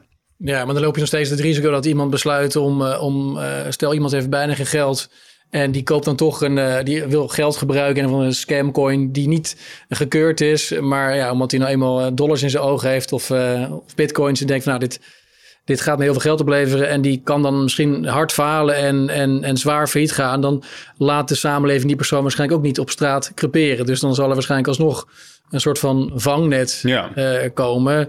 En uh, gaat er misschien weer de roep ontstaan in de samenleving. Ja, maar hoe kan het ook zijn dat dat soort um, scampartijen nog steeds uh, mogen opereren. Want dat kost de samenleving geld, want die persoon moest worden geholpen daardoor. En dan, weet je, ik ben bang dat je een soort van dynamiek, of ik ben bang, ik, ik, ik denk gewoon realistisch te zien, dat mhm. je ook in een libertarische samenleving, waar je inderdaad het sociale contract wel getekend hebt, waar je bewust uh, en toe, tot zo'n gemeenschap toetreedt, tot een stad of tot een VVE, dat je tekent voor bepaalde zaken, dat er in zo'n samenleving weer een dynamiek gaat ontstaan van nee, we moeten op bepaalde fronten uh, die, die burgers gaan beschermen. Bijvoorbeeld door het oprichten van een waakhond of van een, van een AVM. Of, juist om dit soort excessen dan weer te voorkomen. Mhm. En dan zou het natuurlijk mooi zijn als je heel veel communities hebt wereldwijd. Die kunnen zeggen, nou, dit gaat mij te ver. Ik ga, ik ga lekker naar een, een andere stad toe waar het vrijer is. En dat zou dan ideaal zijn. Maar goed, dan zou je waarschijnlijk weer een dynamiek krijgen. Net als een bedrijfsleven. Dat die steden elkaar gaan overnemen. Dat je steeds grotere steden krijgt. Dat je een mhm. Google-stad krijgt en een Microsoft-stad. En uiteindelijk aan het eind van het liedje, allemaal hypothetisch, maar dan is toch de kans aanwezig dat je weer in een soort van situatie zit als dat we nu zitten. Waarbij je wordt, uh, uh, waarbij heel veel voor je wordt besloten door organen die heel ver van je staan. Of het nou een corporate is zoals Google of, of, of een instelling als Davos of, of, of Brussel. Um, en, en misschien is het een soort van doemdenken of, of, uh, of denk ik daar te veel over na. En moet maar gewoon. En je moet het denk ik ook al veel al overlaten uh, aan de vrije markt en de mensen. Uh, want daar ben ik ook zelf een groot voorstander van. Maar ik heb gewoon het idee dat je uiteindelijk toch ergens dan weer daar terecht gaat komen. Ja, Misschien is dat ook wel gewoon iets, iets wat, wat, gewoon, wat um, uiteindelijk moet gaan accepteren. Misschien over 2000 jaar. Dat het gewoon een feit is dat des te ingewikkelder een samenleving wordt. Uh, en des te groter die wordt en des te complexer. Uh, dat er ook meer regels bij horen.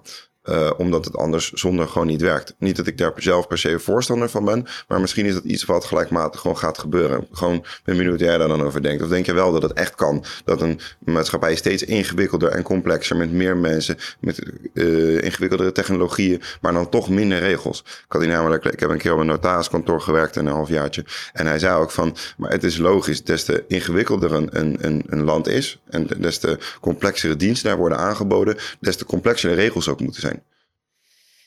Nee, ik denk een beetje beide verhalen in te haken. Dat inderdaad in de geschiedenis is natuurlijk gewoon gebleken wat jij stelt. Dat het elke keer eh, toch ook vanuit de mensen zelf een roep komt om dingen anders te regelen. Ik, ik geloof ook dat politiek ook een beetje de cultuur volgt die, volgt die in de samenleving heerst. Dus dat dat is nou denk ik ook het probleem. De cultuur vraagt bijna om zeg maar, die centralisatie en om de verantwoordelijkheid uh, uit hun handen te nemen. En we moeten dus ook echt een cultuuromslag gaan maken. Willen we daar verandering in brengen? En dat moet je zo bestendigen dat je dat over 2000 jaar nog weet. En ik denk dat Amerika enigszins in de buurt is gekomen en Zwitserland ook. En dat omdat de grondwet zo is opgebouwd dat dat zeg maar voorop stond, dat het ook heel lang geduurd heeft voordat het zeg maar de andere kant op gegaan is. Uh, maar je zou daar denk ik misschien een soort van Misschien moet er een soort van addendum komen bij de Bill of Rights. wat gaat over geld en het belang van onafhankelijk hard geld. Want dat is niet echt iets wat in de grondwet van Amerika staat. Want ik merk verder wel in Amerika dat je heel erg dat. die cultuur is echt zo, zeg maar nog. Die is wat. Dit, het gaat ook een hele centralistische kant op. Maar er zit toch nog een soort van. Um, andere verstandhouding met de overheid dan wij zeg maar in, in Nederland kennen. En ik, en ik denk juist doordat we een technologisch veel geavanceerde samenleving hebben, dat je makkelijker met minder regels kan en omdat je makkelijk met elkaar kan communiceren en makkelijker dat soort, uh, zeg maar, dat soort uh, rating apps kan hebben of, of ratings kan geven in apps. Um, dingen als Bitcoin, wat ook weer door technologie mogelijk is gemaakt, het eigenlijk juist logischer is dat we nu het anders gaan doen dan we altijd al gedaan hebben. Omdat die mogelijkheden er veel meer zijn. En die wisdom of the crowds is door het internet veel meer toegankelijk, zeg maar. En je hoeft niet alles meer zelf uit te vinden. En als er iets in Singapore goed werkt, dan kan je het hier ook toepassen of een andere deel van de wereld. En als iets fout gaat ergens, kan je, dat ook, kan je er ook weer van leren. Dus ik denk juist dat die technologische vooruitgang ons heel veel mogelijkheden biedt. Um, het maakt de samenleving ook complexer. En dat is denk ik de reden waarom mensen zeggen, ja, als het complexer wordt en minder mensen begrijpen, dan moet je er ook weer mensen bovenop zetten die daar regels eh, over maken. Maar net, net voor de opname had het ook over die omnibus bills in Amerika, weet je. Dus dat is misschien ook wel iets wat vanuit complexe samenleving komt, weet je. Dat steeds grotere beleidsmaatregelen, steeds meer papierwerk, weet je. En dat, we moeten daar gewoon van af. We moeten terug naar het besef dat we best op onszelf en elkaar kunnen vertrouwen. En dat, dat, dat leeft niet, maar dat moet weer gaan leven. En uiteindelijk moeten we gaan zien dat dat gewoon de meeste welvaart en welzijn heeft gebracht in, de geschiedenis van de mens en ook in de toekomst nog gaat brengen. Ja, het lijkt alsof we eerst een soort van uh, richting piek centralisatie moeten gaan. En dat het dan uiteindelijk helemaal misloopt, helemaal het honderd loopt. En dat je dan misschien een chaotische periode uh, ziet. En vanuit, vanuit daar dat er allerlei um, begrip en, en behoefte ontstaat, juist weer aan decentralisatie. En dat ja. je dan, uh, ik volg uh, zelf Balaji uh, Srinivasan, dat is die van de Network State. Hmm. Die heeft, heeft, een heel mooi boek hmm. geschreven over hoe je een nieuw land kan vormen. En, ehm, en dat heel veel nieuwe landen digitaal zullen ontstaan. En dat mensen elkaar vinden online omdat ze een bepaalde purpose delen. En vervolgens uh, kunnen ze dan besluiten om ergens misschien een stuk grond aan te kopen. En vanuit hmm. daar een nieuwe staat stichten. Hmm. Um, en als je in de toekomst heb je dan uh, hopelijk de mogelijkheid om je af te abonneren op zo'n land of daar naartoe te verhuizen. En dat er op die manier inderdaad uh, een soort van concurrentie ontstaat tussen, tussen jurisdicties. Is er nu natuurlijk al, in zekere zin. Je kunt al verhuizen als je wil. Um, maar dat, dat vind ik wel een heel interessant concept. Uh, en dat je dus ook heel makkelijk uh, kunt kiezen voor uh, geldsoort A of B. Om weer terug te komen naar het, het, onderwerp van vandaag. Is dat je. gisteren was ik die discussie over, over de euro. En er werd er weer gesproken over wat dan de ideale of de optimale valutagebied is. Op basis van theorieën van Robert Mundell uit de jaren 60.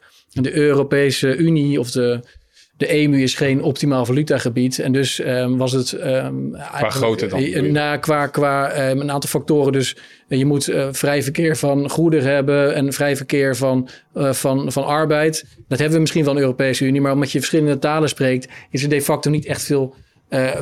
vrij verkeer, misschien op de hogere levels wel en, en hoogopgeleide mensen, maar een loodgieter. Ja, vanuit Polen komen ze natuurlijk wel binnen in, in Nederland. Maar in, het algemeen is het redelijk beperkte arbeidsmobiliteit. En dat is in hmm. Amerika veel groter, omdat je, wat jij ook aangaf, makkelijker van, van staat A naar B uh, gaat. Je spreekt allemaal dezelfde taal. Dus op een aantal fronten, en ook hebben we te weinig op, op federaal niveau um, capaciteit om ergens in een land te helpen als het misgaat. Als er een, een schok is in, in land A, dan in een optimaal valutagebied is er vanuit het gebied dan ook direct zijn er ruime middelen om dat land te helpen. Een beetje wat we wellicht proberen met dat Next Generation uh, Fund. Maar het ontbreekt in de Europese Unie of de EMU aan, uh, aan het voldoen aan al de voorwaarden om echt te komen tot een optimaal valutagebied. De Verenigde Staten is dat al meer. Maar het punt wat ik wil maken is dat het optimale valutagebied moet je eigenlijk gewoon zelf kunnen bepalen als, als burger. Als jij, um, net als dat jij in de winkel kunt kiezen voor cornflakes A of B, zou het ideaal zijn als jij als wereldburger kunt kiezen voor, um, voor, voor munt A of munt B. En dat kan natuurlijk nu met de opkomst van cryptocurrency. Uh, maar dat je inderdaad niet wordt gedwongen als, als burger mm, om, mm. Uh, om mee te doen mm-hmm. aan, uh, aan, een, aan een geldsoort. Maar dat je het zelf kunt bepalen. Dat, dat heeft mij van het begin af aan aangetrokken, aangehouden aan crypto.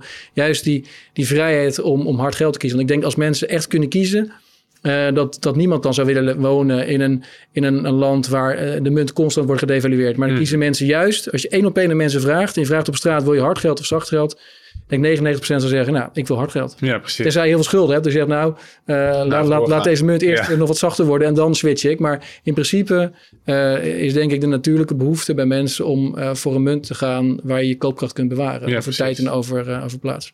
100%, ja, denk ik ook. Ik heb het boek niet gelezen. Ik heb hem wel een keer aangeraden gekregen. Ja, de network state, uh, goed, ja. Maar ook, ook gewoon hoe technologie ons kan helpen. Uh, bijvoorbeeld nu heb je de opkomst van uh, artificial intelligence natuurlijk. Hmm. Um, je kunt al heel makkelijk, als je bijvoorbeeld een, gek plekje op je, op je lichaam hebt, uh, kun, kun, je daar een foto van maken. En dan zou je gewoon ieder liter naar een, naar een dokter moeten kunnen sturen die in India zit. Die dan zelf gebruik maakt van, van artificial intelligence. Om, om, om direct, of zelfs nog zonder tussenkomst van die dokter, dat je direct een uitslag krijgt over wat het zou kunnen zijn. In plaats van mhm. dat je je eerst moet melden bij de huisarts of de hap en een weken moet wachten. Precies. daar, daar hebben we technologie voor. Mm maar je ziet de laatste natuurlijk wel steeds meer een neiging richting uh, nationalisme of, of, of conservatisme, waarbij alle technologie bij voorbaat uh, spannend is en we ons toch vooral achter de dijken moeten terugtrekken. Maar dat, mhm.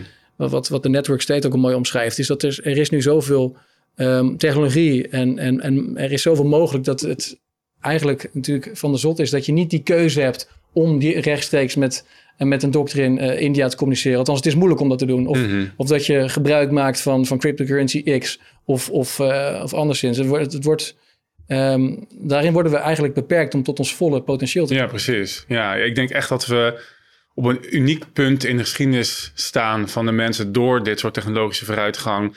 Um, en op het moment dat de overheid uit de weg gaat, want wat jij schetst kan ook gewoon niet doordat we die zorgverzekeringswet hebben. En dat we heel veel belasting betalen. En het moet via een bepaald stramien, zeg maar, verlopen. Uh, um, en kan je dus niet heel snel zeg maar, schakelen met iemand in India of je moet er zelf voor betalen. Maar in ieder geval zijn we niet op, op uitgerust. En we zijn afgeleerd om zelf verantwoordelijkheid te nemen voor onze gezondheid. Want we hebben een zorgverzekering en, en dan weet je wat je wel niet verzekerd krijgt. En dat is dan gewoon leidend, zeg maar. De, de, de, de gezondheid of jouw keuze is niet meer leidend. Maar ik denk inderdaad dat, dat ja, ik vind, ik vind het, ik vind het heel, ik ga hem toch lezen. De tweede keer dat ik hem voorbij hoor komen. Ja. maar het is inderdaad, ik denk exact wat, er, wat we nu kunnen gaan doen. Inderdaad, door al die technologische vooruitgang is, zijn, is de potentie nog vele malen groter. En het kan ook eng zijn. Maar je hebt natuurlijk ook um, de sovereign individual die ook schetst van we gaan een strijd krijgen tussen AI en, en, uh, en cryptografie is eigenlijk zeg maar de strijd. En de overheid gaat dat AI gebruiken om ons nog meer te kunnen controleren door middel van allerlei algoritmes. En, en cryptografie gaat ons daarvan zeg maar van uh, een beetje tegen beschermen, tegen beschermen inderdaad. Ja. Uh, dus inderdaad, die, die, die, hebben natuurlijk al lang geschreven over dat, dat gevaar voor technologie. En het is altijd zo, want technologie is op zich gewoon amoreel. Weet je, het is, het, het is niet goed of fout, het is maar net hoe je het inzet. Dus het kan alle kanten op gaan. Maar er zijn denk ik zoveel mogelijkheden met technologie om onze samenleving zoveel meer efficiënter in te richten. En ik denk dat dat direct gebeurt als de overheid gewoon een paar stappen achteruit gaat. Ja, maar we hebben net toch geconstateerd dat, uh, om het een beetje af te ronden, dat dat waarschijnlijk uh, lastig wordt. Je ziet het aan, uh, aan de populariteit van jouw partij. Dat is ja, een paar duizend zetels iedere keer max. Of een paar duizend stemmen. Was maar zo'n feest. Was maar een paar zetels. een paar duizend ja. stemmen inderdaad. En we zien inderdaad die centralisatie steeds meer toenemen. Met Boris van der Ven hadden we het ook al over piekcentralisatie. Dus Um, ja, enerzijds zullen we misschien gewoon dan toch um, die, die, die, die rit moeten afmaken van steeds meer centralisatie tot het uiteindelijk tot de, de wal het schip keert. Ook een terugkerend thema ja. in deze show. Op een gegeven moment mhm. gaat de, de wal het schip keren. Maar, ik wil net zeggen, um, de, de, het is wachten op de botsing met de realiteit. Want dat is het gewoon, zeg maar. Want de politiek die wil bepaalde beleidsmaatregelen doordrukken die niet in lijn zijn met wat werkt, met wat reëel is, wat realiteit is. Dus, Zoals de hele groene transitie nu bijvoorbeeld. Je natuurlijk bijvoorbeeld ja. inderdaad gewoon, weet je, dat, gewoon tegen natuurlijk eigenlijk. En dat, het, het kan gewoon niet. Je kan het heel lang zeg maar, volhouden en je kan het heel lang financieren met, met fiat geld. Maar op een gegeven moment dan, dan klapt dat. En we zien al dat het, dat het overal begint te scheuren. En, dat, en ook als je kijkt naar, dat vind ik nog steeds een van de meest interessante onderzoeken van Maurice de Hond, waar je ook weinig over gehoord hebt. Maar die heeft voor mij nu een jaar geleden ongeveer het vertrouwen gepeld van de mensen in de politiek, in de media, in overheidsinstanties. En het was het beste cijfer was geloof ik een zes. En alles, de rest was allemaal onvoldoende. En dat laat zien dat mensen er gewoon klaar mee zijn. En dat het, het is, er is denk ik voor hen nog niet echt een duidelijk alternatief van hoe dan wel. Maar het is een kwestie van tijd. Mensen zijn, ze weten nog niet hoe, dus ze stemmen misschien nog een beetje hetzelfde. Maar het, begint wel te veranderen, langzaam maar zeker. Ja, misschien dat toch een stukje pijn waar we het over hadden... voordat mensen naar iets moois toe kunnen. Misschien komt het wel vanzelf uiteindelijk. Ik denk dat het uiteindelijk vanzelf wel uh, gaat ja. komen. Alleen zorgen dat als die botsing met de realiteit gaat plaatsvinden... dat we dan genoeg mensen hebben overtuigd van wat datgene is, ja. wat er voor in de plaats komt, dat we niet iets gaan krijgen wat nog slechter is dan we hiervoor hadden. Ja, want Ayn Rand zei ooit, uh, volgens mij, uh, you can uh, ignore reality, but you cannot ignore the consequences of reality. Exact. dus uiteindelijk gaan mensen het dan voelen. Maar wat jij ook zegt, dan heb je natuurlijk altijd het levensgrote risico, wat we meerdere malen gezien hebben, dat in dat machtsvacuum wat ontstaat, uh, dat er iets komt dat veel erger is. We zagen na de Franse revolutie natuurlijk wat, uh, wat, wat ook niet uh, per se goed was later met Napoleon. We zagen natuurlijk na, na Weimar Duitsland en de opkomst van Hitler. dus je wil inderdaad wel alternatieven hebben, vredelievende, goede, constructieve alternatieven. Is dat, is dat iets waar je als uh, Viva Valentine, je, je hebt natuurlijk best wel een bereik, je hebt een community, jullie zijn altijd lekker uh, jezelf af en zetten uh, tegen, de, tegen het systeem, de clown world. En, maar uh, ik, wat ik soms een beetje mis is, oké, okay, maar wat, wat, wat, wat dan wel, weet je? je of, of, is, of kan je mensen nog, mensen nog op een bepaalde manier wat een constructieve houvast geven of zo? Ja, ik denk dat, dat dit soort podcasts, ook zoals we het nu hebben gemaakt, heel belangrijk zijn. Want ik geloof niet dat heel veel mensen de, de, de, de ins en outs van libertarisme kennen of weet je, een, een boek, The Network State, hebben gelezen. Tot dat zijn denk ik prima handvatten die je kan, kan, uh, kan vastpakken op het moment dat je iets nieuws wil gaan, uh, gaan neerzetten. En dat, ja, dat. Um, ik, we hebben het daar misschien te weinig in de podcast over, maar ik zou heel graag naar het media willen inzetten om die cultuurverandering een beetje teweeg te brengen en mensen een beetje mee te nemen in van ja, zo kan het ook. En vooral ook um, de boosdoener aanwijzen. Ik denk dat bankiers en het fiat geldsysteem zeg maar een van de grootste boosdoeners is. Dus als we dat niet gaan veranderen in de nieuwe situatie, dan zijn we weer heel snel terug bij af. Dus als mensen dat gaan beseffen, dat we dat niet meer in de nieuwe situatie moeten krijgen, dan wordt het vast al duizend keer beter dan we nu, uh, nu zien. Maar een, een andere boosdoener in veel mensen hun ogen, dat zijn de, de corporates. Ja. Dat, dat, dat lijkt me altijd een beetje dat vind ik het lastig aan libertarisme, is dat je best wel, je hebt duidelijk uh, terecht veel kritiek op, uh, op de alsmaar machtig uh, wordende staat, um, die ook nog eens in bed ligt met, met, met het grote bedrijfsleven, wat je ook jaarlijks terug ziet komen, bijvoorbeeld in Davos. Mm -hmm, um, ja. Maar veel mensen maken zich zorgen over de steeds groter wordende macht sowieso bij, bij corporates als, als Google um, en, en vrezen dat in een libertarische samenleving de macht van dat soort partijen alleen maar groter wordt. Mm -hmm. Heb je, heb je daar een, wat, zeg je tegen dat soort mensen? Ja, ik vraag me af of die macht zo groot zou kunnen worden, überhaupt van overheidsinmenging. Ik denk dat heel veel grote bedrijven. De vraag is ook, volgens mij is half Silicon Valley een soort van ook gefund door, door, door de overheid. Of zit er, een, zit er een overheidsinstantie achter of een intelligence community die daar, die daar zeg maar gewoon belang bij, uh, die belang bij hebben. Dus ik, en dat, dat is speculeren, maar ik weet wel zeker dat heel veel grote bedrijven groot worden, groot blijven en nog groter worden doordat ze in bed liggen met de overheid en de regels uh, naar hun hand kunnen zetten. Ik vind het heel mooi, voor mij in de week dat uh, Jeff Bezos van Amazon pleitte voor een hoger minimumloon, zelf aangaf zeg maar zijn hele warehouse te gaan, gaan, gaan, gaan automatiseren zonder mensen. Weet je? Dus hij gaat niet de kosten dragen van duurdere arbeid, maar dat het, MKB wat daarop um, op draait wel. Dus ik denk dat, dat in een situatie waarbij je een steeds kleinere overheid hebt en ook een overheid hebt waar je eigenlijk niet bij kan lobbyen, dat die bedrijven misschien wel eens enigszins groot worden, maar ook sneller zullen verdwijnen door concurrentie. Het gaat echt om het optimaliseren van die concurrentie van ideeën. Je zou eigenlijk een verbod op lobby moeten introduceren misschien. Ja, of gewoon geen overheid. Dan heb je, kan, je, kan, je, kan je niet lobbyen. ja, dat is, dan zijn we full circle. Dat, ja. maar, ja, duidelijk. Ik denk de voldoende besproken hebben hoe dan uh, wat de, scheiding tussen geld en staat. En, uh, dus jij, jij ziet dan eigenlijk als vrijmunter een wereld vol uh, met allerlei verschillende soorten munten, allerlei verschillende soorten banken, financieringsvormen. met, met ook de nodige scams. Maar ja, daar gaan mensen op een gegeven moment afblijven als dat pijn doet. En mensen worden op die manier sterker en slimmer. En uiteindelijk word je als samenleving dan weerbaarder. En komen de winnaars naar boven drijven. En we leven nog lang en gelukkig. Ja. Dat is het, uh, dat is het ideaal. Ja, ik kom dan een beetje terug bij dat boek van Nassim Taleb. Uh, of, uh, nou, ze weet het niet, maar hij heeft het dan over fragiel, antifragiel en, en robuust, weet het ook weer.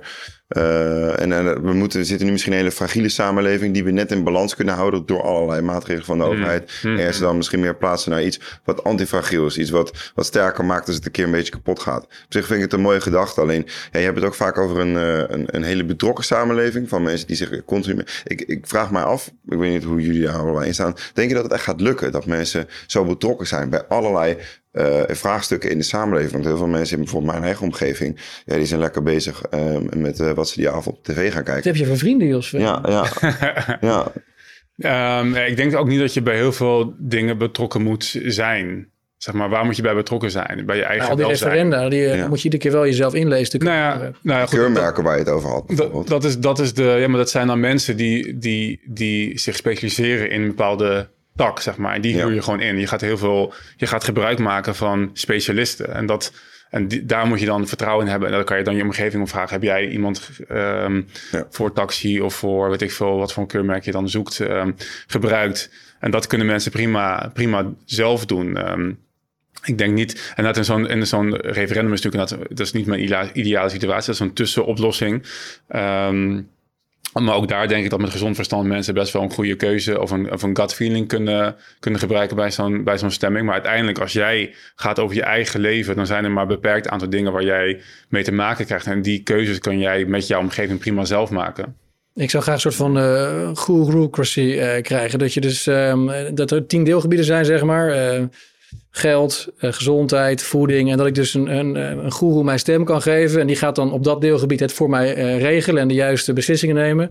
En, en namens mij meedoen aan referenda, noem maar op. En als ik zie dat hij op een gegeven moment toch niet de juiste beslissing neemt, dan trek ik mijn stem weer terug. En dan kan ik er weer een andere guru geven. Dus op die manier heb je een aantal goeroes die het voor je regelen. Maar jij blijft uiteindelijk wel de baas en trekt die stem in als het moet. Dus in plaats van, van dat je een partij stemt, dat je op echt een onderwerp, een standpunt stemt. Ja, maar dan, maar dan kun je wel mensen aanwijzen die namens jou dan stemmen. Omdat je inderdaad uh, toch, uh, die samenleving wordt steeds complexer. Ik kan, kan het dan moeilijk bijhouden. Uh, maar laat staan inderdaad de tante Truus uit, uit Appelscha. Dus je wil wel die mensen misschien, je wil eigenlijk een beetje wat we nu ook hebben met politieke partijen. Maar dan geloof ik veel meer op ehm, dat het liquide is. Dat je wat makkelijker, dus niet iedere vier jaar maar dat je op regelmatige basis ook die stem weer kan terughalen. En niet, niet uh, elke seconde. Je moet wel misschien een soort van op zijn minst een aantal maanden of wat dan ook uh, die persoon voor jou laten optreden. Moet je over nadenken. Maar dat het veel liquider wordt, veel, um, veel sneller en veel representatiever. Zoiets. En waarom dan niet gewoon een, een, een, zeg maar een directe democratie waarbij we via referenda stemmen op beleidsvoorstellen en dat die goeroes gewoon hun stemadvies op hun website of weet ik veel wat van blad uh, plaatsen. Dan kan je dat lezen. Nou, ja, maar dan moet je toch wel. Je kan ook zeggen, nou weet je, dit vakgebied, uh, dat, uh, en ik heb zoveel vertrouwen in die persoon, want die heeft zich zo erg bewezen. ik, ik laat hem, net, net zoals dat je ook met, met proxy iemand anders voor je kan laten stemmen, je, of kunt laten tekenen. Hè. Je kan ook eh, recent uh, heb ik een appartementje gekocht in Ecuador plan, als plan B.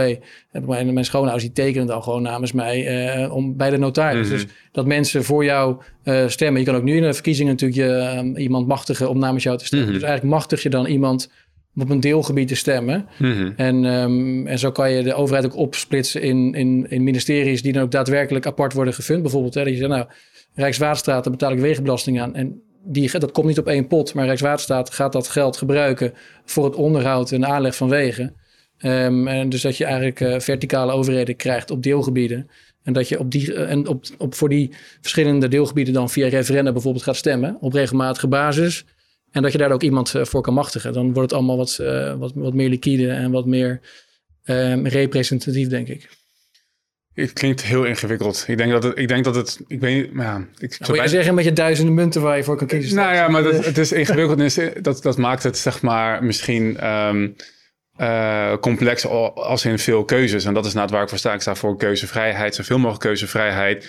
Maar um, de overheid op een andere manier organiseren, zeg maar. Ik denk, ja, ik, ik voel er gewoon weinig van, omdat je toch snel die intransparantie erin krijgt. En als je zelf niet de, de, de, de pijn voelt, dan, uh, um, dan, denk ik, dan denk ik dat er niet de juiste keuzes en stemmen worden gemaakt. Dus je moet, ik denk dat je wat, wat jij zegt best kan doen via een directe democratie. Jij stemt op wat ik moet stemmen, maar je, je krijgt in je inbox elke keer uh, de, de goeren zegt van ik vind dat je dit moet stemmen. Dan hoef je ook niet na te denken, ook precies gewoon hem, hem stemmen. En dan, dan hoef je al die lagen die tussen te hebben en dan heb je alleen maar directe democratie en dan klaar. En hoe vaak wordt er gestemd dan? Uh, iedere, iedere maand of zo? Nou ja, ja ik, voor mij is het in Zwitserland gebeurd dat... Uh, ik denk ik wel inderdaad iedere maand. Dat is ook grappig, want daar zijn politici dus ook niet echt politici zoals we het hier kennen. Maar zijn ze vooral referenda aan het voorbereiden. Het zijn ook vaak banen naast hun normale werk. Het is niet een, je hebt geen beroepspolitici in, uh, in Zwitserland. Weet je, het, is, het is een bijbaan. Ja, erebaan. Een erebaan inderdaad. En dat, zou, dat moet je hier ook gaan krijgen. Weet je, laat inderdaad een aantal mensen maar de onderwerpen voorbereiden. We kunnen zelf ook onderwerpen uh, voordragen. Die worden dan misschien door die lui beter ge, uh, geformuleerd in een wetsvoorstel gegoten. En dan gaat iedereen gewoon stemmen met een goeroe als ruggespraak of niet. Ja, nou duidelijk. Um, jij nog andere dingen, Robert? Volgens mij hebben we wel heel veel dingen de revue laten passeren. Sven? Ja, nee, niet. Ik, ik ben echt gefascineerd door het libertaire uh, gedachtegoed. En ik vind het ook wel een heel mooi gedachtegoed. Alleen, ja, zoals wel vaak als ik hier aan tafel zit, vind ik altijd leuk om een beetje de tegenpartij te kiezen. Uh, en ik ben dan vooral benieuwd zeg maar, het ideaal is mooi, maar zou het ook werken? Maar ik ben, ik ben wel, uh, ja, ik vind wel dat, dat je daar wel goede ideeën over hebt. Dus heel erg bedankt uh, voor het interview. Heel graag gedaan. Dus uh, was straks gewoon Libertarische Partij voor jou stemmen? Ja, ik denk wel. denk ik wel. Ik ben Libertaire Partij. Ja. ja. Nee, dankjewel Robert. En wellicht doen we het, ja, als er verkiezingen zijn, nog een keertje. Dat, ja, ben ja, bedankt. Thanks. Ja. Graag gedaan.